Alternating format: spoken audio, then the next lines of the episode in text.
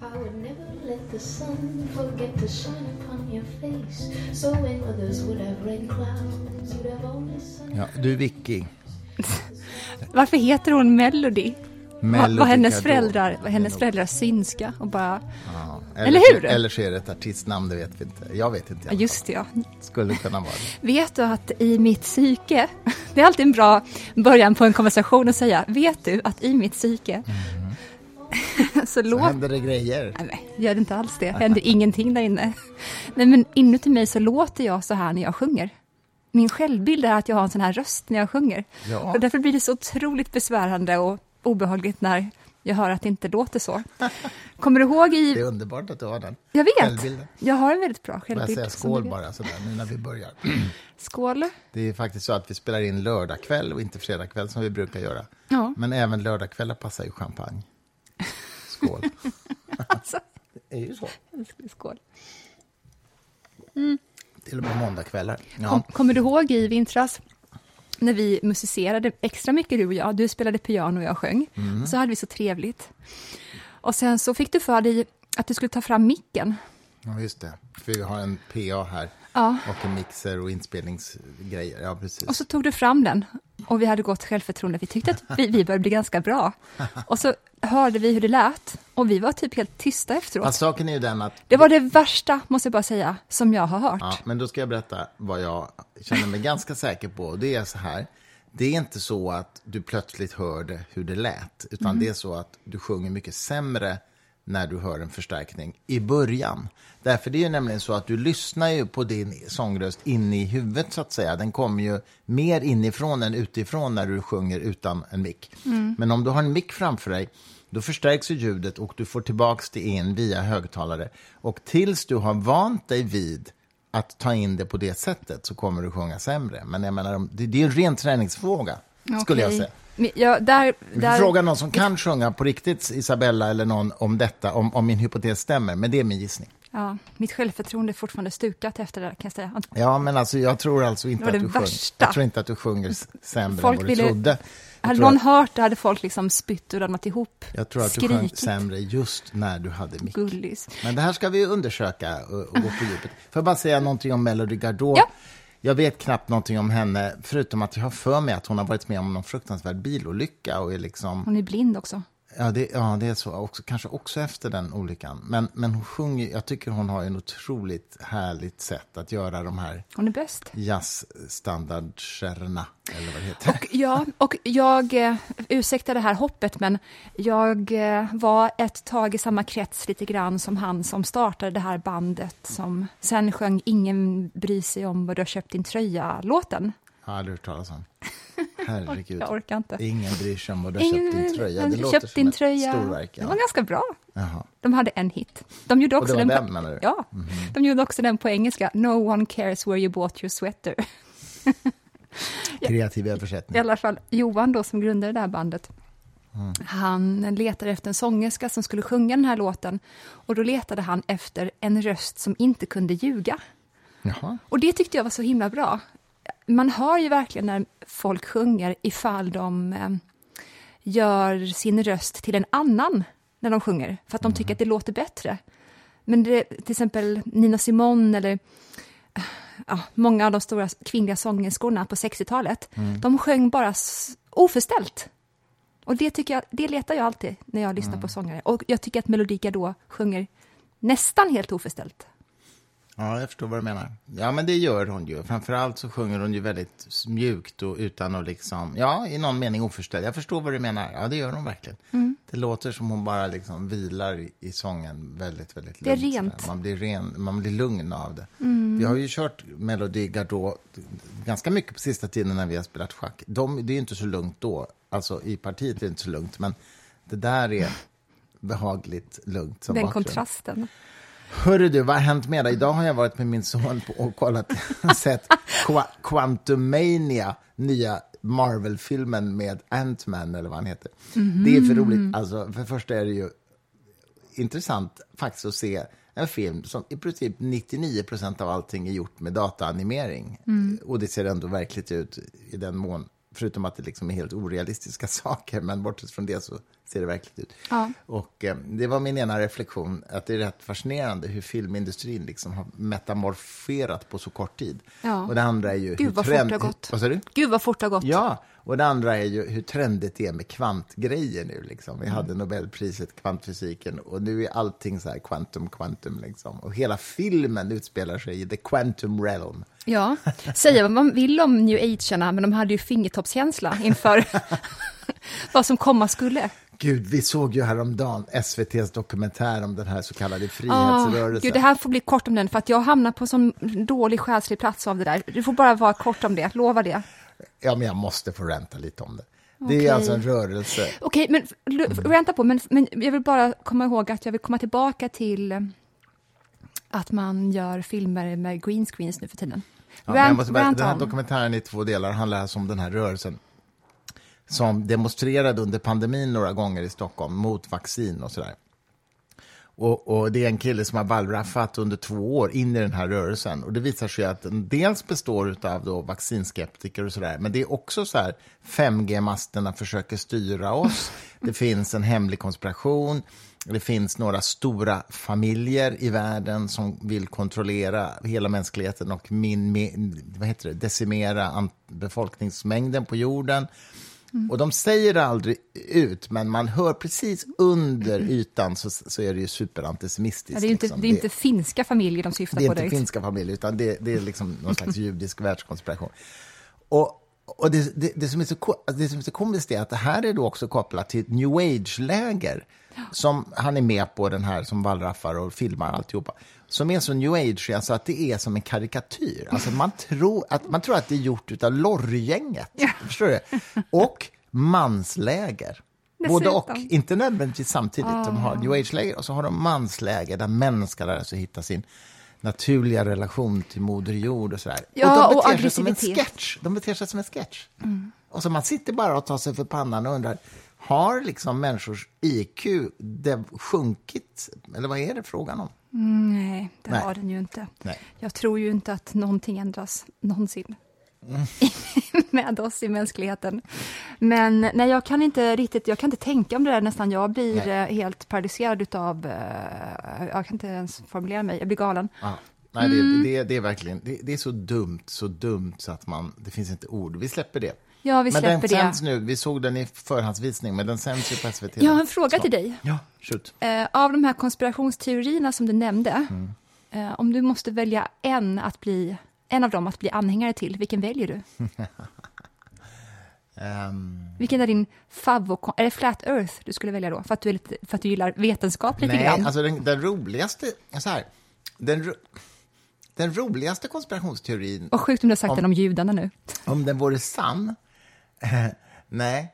Den roligaste konspirationsteorin tycker jag skulle vara, om den var sann, att man hade fejkat månlandningen i en tv-studio. För det hade varit ett jävla kul cover-up, så att säga. Och, och, och man kan verkligen se framför sig hur några journalister typ nu så här, börjar få korn på det här och liksom gör ett stort avslöjande, som ju någon gång skulle kunna ske, om det hade Ja. varit sant. Ja. Det hade varit jävligt kul. För det skulle liksom Kul? rita om. Ja, men förstår du vilken nyhet? Ja, men det hade ö- ö- spött på eh, föraktet mot vetenskapen. Det ja, hade... det är klart. Men det hade ju framför allt varit så här, det var kalla kriget, de gjorde det här för att liksom... Ja, jag, vet inte om det skulle, jag vet inte om det skulle spä på förakt mot vetenskap. Det skulle spä på föraktet mot amerikanska regeringen och mot politiker förstås jättemycket. Kanske Ja, och hur man fördelar eh, statsbudgeten såklart Ja. också. Ja. Man lägger i sinnessjuka summor på NASA och dess... Ja. Men det de- vore ett kul avslöjande. Tänk om, tänk om en journalist liksom lyckades avslöja det, att det verkligen var så. Ja, men det, du, du frågar vilken min Mm. Ja, favorit är, det är, det nog, det är ja, nog den. Ja, det, mm, jag fattar. Jag fattar. Jag är inne i en lite ny Kubrick-manisk fas Mm. igen och lyssnar på, igenom mycket gamla intervjuer. Mycket, mycket. Lyssnar igenom en väldigt lång intervju med honom som är inspelad 63 eller 64, Mhm. som finns på Youtube. Han avskydde ju att sitta i intervjuer, tyckte inte om att tänka högt inför någon. Och ändå är han ju otroligt varmformulerad och så fruktansvärt intellektuell. Han, Han är det, så- va? Ja, Visst var han också hängiven schackspelare? Ja, gud, han var jätteduktig. Jag ville bara ha det till protokollet, Han var säga. jätteduktig, spelade schack i Central Park innan han åkte till eh, London och började spela in Lolita på grund av skatteskäl. Så försörjde han ju hela familjen i New York genom att spela schack i Central Park. Mm. Det finns många Kubrick-historier, jag ska inte öppna den dörren riktigt. Men, Hur eh, bra var han då? Vet du? Vad hade han för rating? Nej, det vet vi inte. Va? Nej, det vet jag inte. El-rating. Men han sa, eh, i den här intervjun sa han att av de som satt i parken och spelade varje dag så var han nummer fem. Mm, det, är ganska, det är nog bra, så att säga. Han gick dit runt 12-tiden och sen gick han hem igen runt 19 varje dag. Men eh, ett hopp från Kubrick nu då till eh, någonting annat som jag lyssnar mycket på och tänker mycket på, det är ju manusstudier. Studier. hur man bygger upp ett screenplay och den tekniken som finns, eller de teknikerna som finns, är ju det som jag skriver böcker efter faktiskt. Så alla mina böcker är ju skrivna efter screenplay-struktur och inte en traditionell skönlitterär struktur. Vilket jag Just det. älskar. Det är därför det blir film. Det är därför det blir det, ja, precis. Eh, och eh, Kubrick som då spelade in The Shining. Jag tänkte på det idag när jag lyssnade på en manusanalys utav Nyckeln till frihet. Vad är nu den röda tråden i detta, Sturmark? Ja, det återstår att se. Nyckeln till frihet, Vad det, vem skrev den? exakt. Stephen King? Ja, precis så. Eh, och eh, jag har läst både, eller Shawshank Redemption, som den heter på engelska, det är ju fing- fängelset, och The Shining har jag läst. Och vad båda de böckerna har gemensamt, det är att de är tusen gånger sämre än filmerna. Och annars brukar det vara Är tvärtom. böckerna sämre? Ja, ja. Man säger alltid annars att boken var bättre. Ja. I de här två fallen så är det verkligen inte så. Bara för att ge exempel på hur eh, Nyckeln till frihet skiljer sig, eh, filmen eh, kontra boken, så är det så att, ni vet den här gripande historien om den här farbrorn som har en korp på sin axel. Han matar den här fågeln. Bara det är ju någonting väldigt gripande att den här ålderdomliga farbrorn som också är den som har ansvar för biblioteket eh, ombesörjer ett annat litet liv. Och han hanterar den här fågeln på sin axel som att, åh det är så sorgligt, som att den är viktigare än honom. Och det är en ömhet i hur han omvårdar den här fågeln. Och han är en fånge alltså? Ja, och han har suttit inne då sen han kanske var 16-17. Och sen då så blir han beviljad frigivning. Så när han kommer ut ur fängelset då, då ska han ju försöka orientera sig i den här nya världen. Och då har ju inte han varit ute i den världen någonsin, så han vet ju inte vad bilar är ungefär. Nej. Eller att det finns radio, tv och sånt. Han, kom ju, han är ju en tidsmaskin, han kommer från en annan värld. Och sen så har han med sig den här fågeln då, släpper ut den. Släpper den fri också, symboliskt nog. Och sen får man se då hur den här farbrorn, när han inte klarar av att jobba i samma tempo som alla andra, att han, han då skickar ett fint brev till dem i fängelset och sen så Detalj. hä- hänger han sig. Ja, just det. Just det, just det. Ja, det är så bra. Men vad eh, det här är, det är alltså någonting som inte ens finns med i boken. Wow. Det? Ja, det finns en fånge i fängelset som har en fågel på axeln, men den är helt okommenterad. Och den här farbrorn som blir utsläppt ur fängelset, man får inte se hans försök att orientera sig i den nya världen och att han går och hänger sig. Man får inte följa honom och det perspektivet, utan man får bara vara kvar i fängelset och så får man veta att ah, he, didn't, he didn't make it on, on the outside, säger de vid något tillfälle om honom. Man vet inte vad det är. Så det är ju alltså en otrolig, jag borde veta vem som har skrivit screenplay nu, men det glömde jag ta reda på. Eh, person som har sett de här små, små nycklarna i manuset och sen så bygg, har han eller hon, han förmodligen, byggt ihop det här till, till ett av de, kanske det bästa filmmanuset som har skrivits. Varför är det oftast en han? Varför är det alltid oftast någon han? Förut, förutom när det kommer till eh, barnmorskor och förskolelärare. Det är- en lång diskussion. Ja, en diskussion. Vi tar inte den nu. Nej. Men, eh, Ja, jag förstår. men jag men- måste mm. också... Förlåt, vill du? Nej, nej, nej, det är jätteintressant det här. Mm. Det här är en av de bästa manusen, tycker du, eller film, Ja. Ja, dramaturgiska. det är Apocalypse Now och Gudfadern 1, Mm. tycker jag är bland det bästa. Och Fanny Alexander också. Men jag älskar ju The Shining också, och bara för att ge ett smakprov på hur, om ni, för ni er som inte vet, hur boken skiljer sig från filmen så är det ju så att Jack Torrance, som spelas av Jack Nicholson, i boken så är eh, det extremt mycket inifrån hans huvud. Och eh, man blir inte klok på ifall Jack Torrance faktiskt ser spöken eller inte.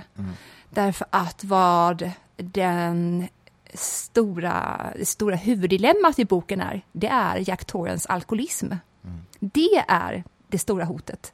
Att han kommer till isoleringen i det här hotellet och blir bara mer och mer försup, försupen och mer och mer aggressiv och börjar få vanföreställningar. Eh, och det är ju nästan helt borttaget i filmen. Tack och lov skulle jag säga.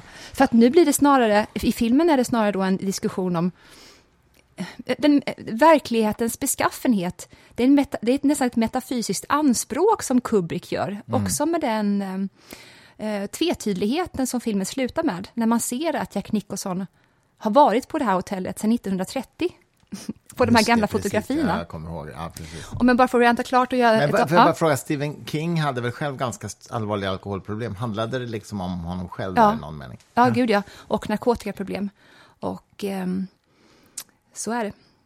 han, blev ju, han var ju med om en sån här intervention, Stephen King, då hela familjen samlade sig och sa att eh, om inte du blir nykter och åker in på rehab nu så kommer vi lämna dig allihopa. Och Stephen King är en väldigt familjekär person med sina barn.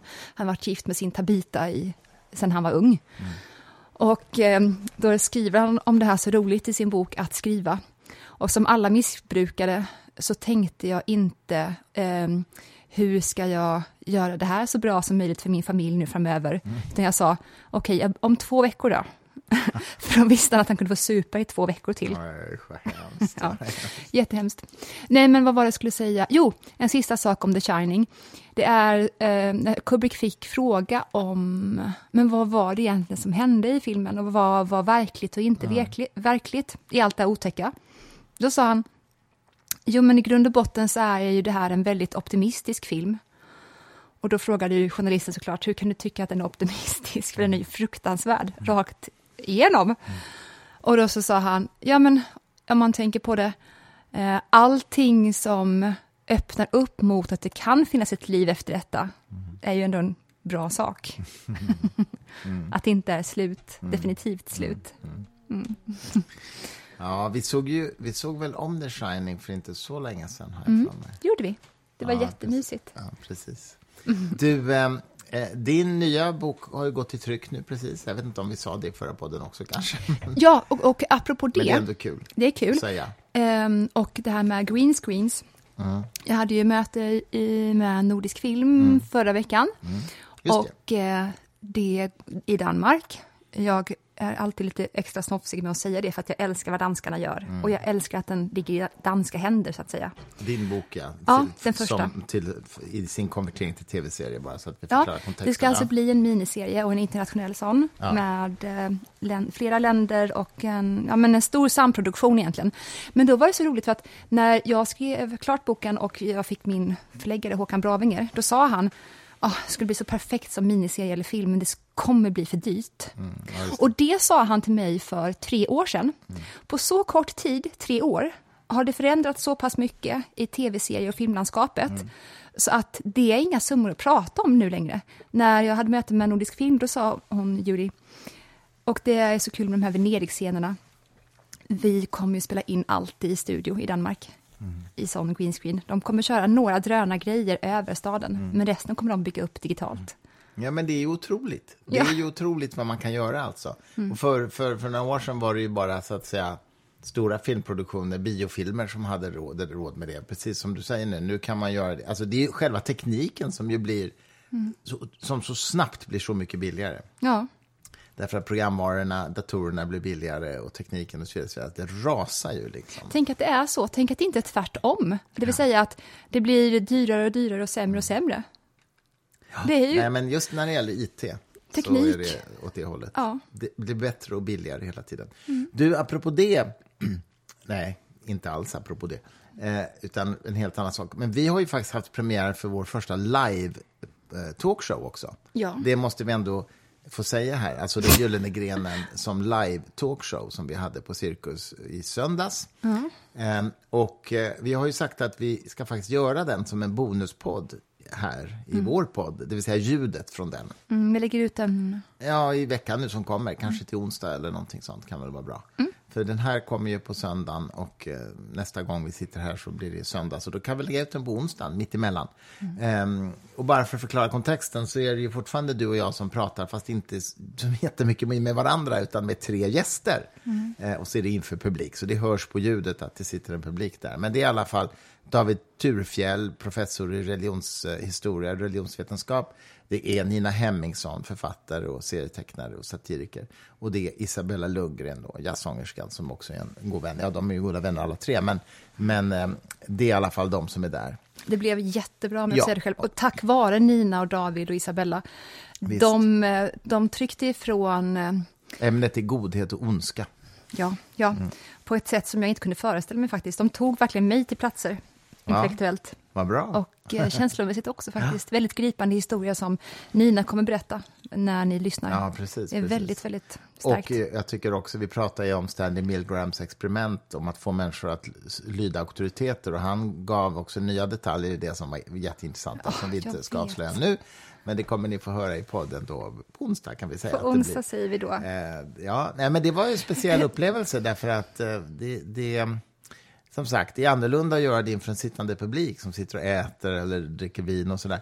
Eh, mot att som vi nu bara sitter, bara du och jag liksom och, och, och jamsar, på att säga.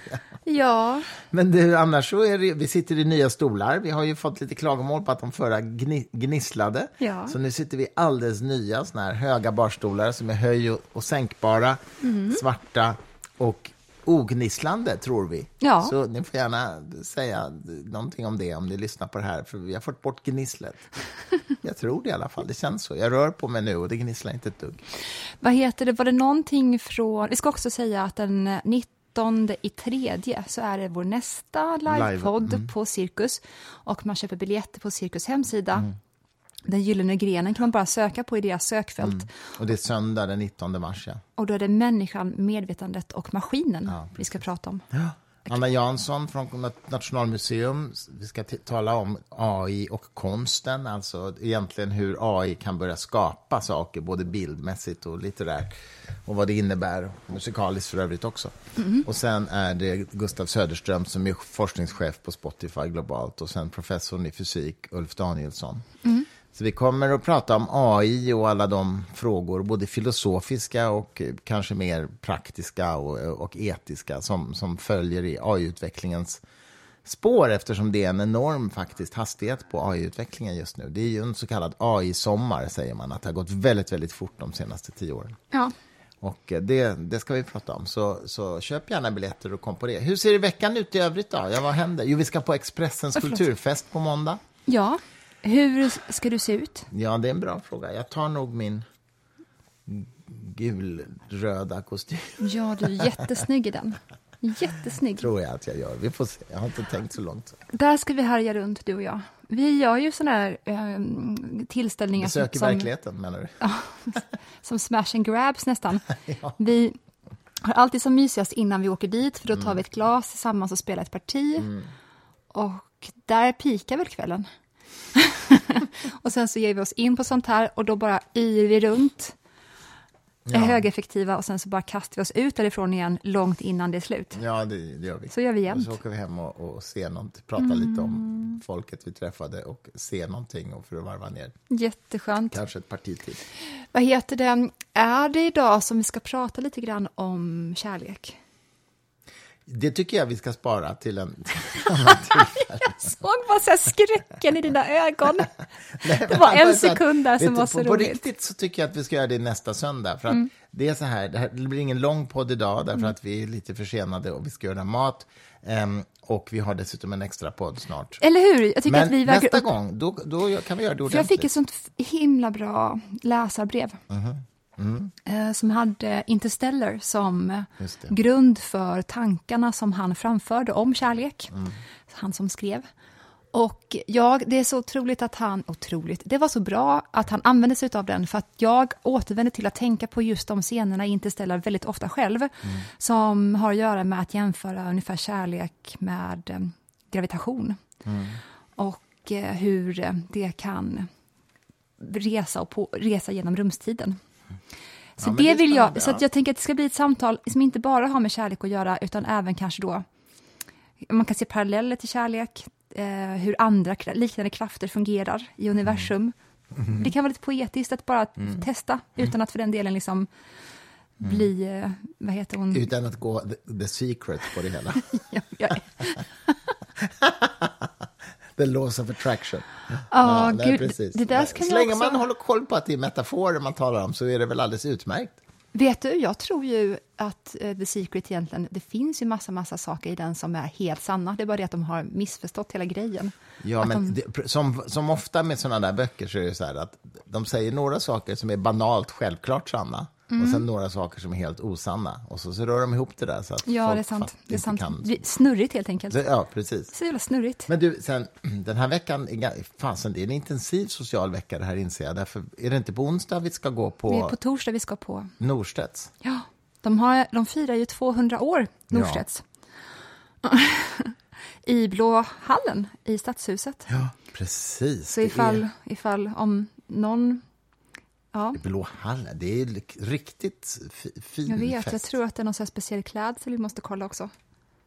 Fan vad kul ifall jag gjorde en uppsättning på mig och en på dig och att vi har samma håruppsättning. Men du, men du är, det så här frack eller nej? Jag vet inte. Du har ju Smoking en. kanske? Jag kan ta fram min smoking, det är kul. Kan du det? Så sexigt. Kan jag? Jätte, Ja, men det är Norstedts alltså 200 års jubileumsfest, är det så? Ja, det är ju Sveriges äldsta förlag.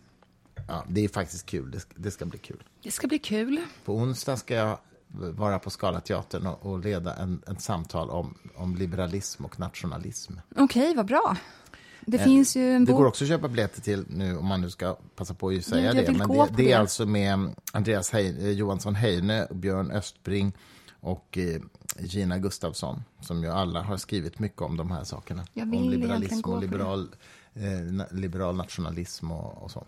Jag, jag köpte en bok för något år sedan, eller två, som heter Why Nationalism. Som är skriven av en av de här politiska tänkarna som är liberal och som då vill påvisa, ni har säkert en sån representant i panelen också, att, att vara liberal är inte alls motstridigt med att vara um, pro-nationalism. Nej, just det. Björn Östbrings bok är, är, är, handlar just om det. Den, Ja. het, den handlar om liberal nationalism. Ja.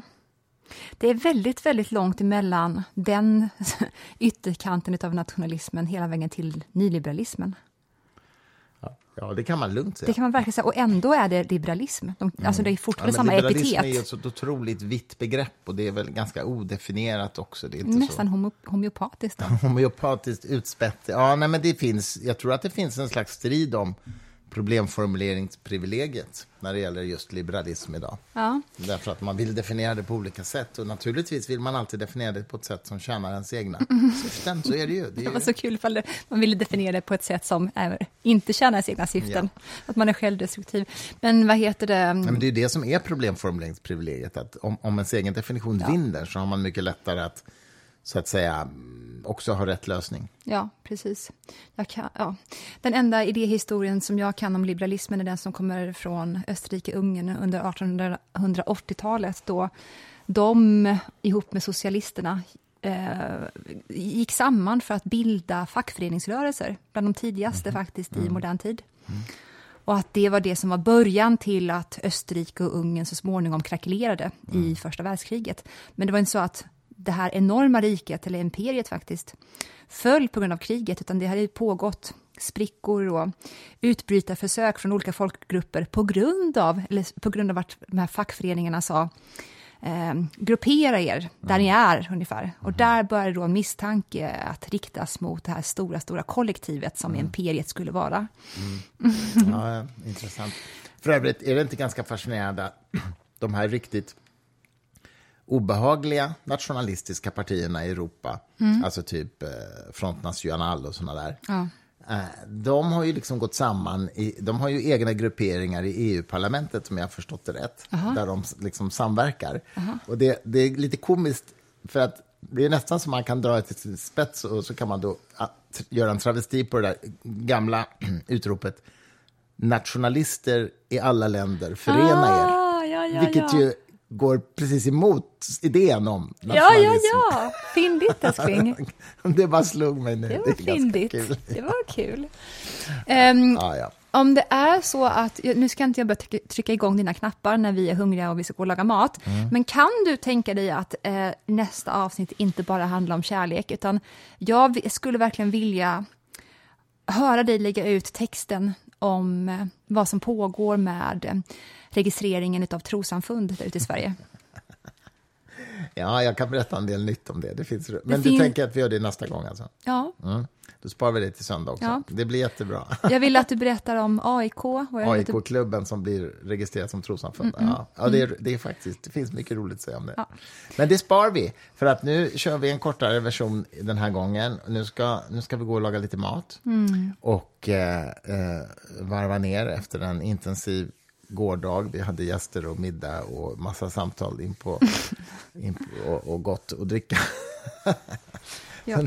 Så nu, och så ska vi spela lite schack ikväll också, eller hur? Oj, vad hände där? Gärna. Var det, något, det var något som lät, det var min mobil som rasade. Vi beklagar det oljudet, det kommer inte från de nya stolarna. De är helt ljudlösa. Har du sett att vi har ett stativ också, eller vad heter det, inte stativ, ett, ett fotstöd på de här nya stolarna? Alltså, Det är inte dumt. det är bra att vi stänger av nu för att jag känner att det börjar Nu ska vi... trolla i huvudet på mig nu. Nej, Jo, det är roligt. Det är nu roligt. ska vi avrunda. vad mysigt det var. Ja, det var Du det. är jättefin, vet du det? Detsamma. Och nu blir det lite Melody Gardot. Ha en bra söndag.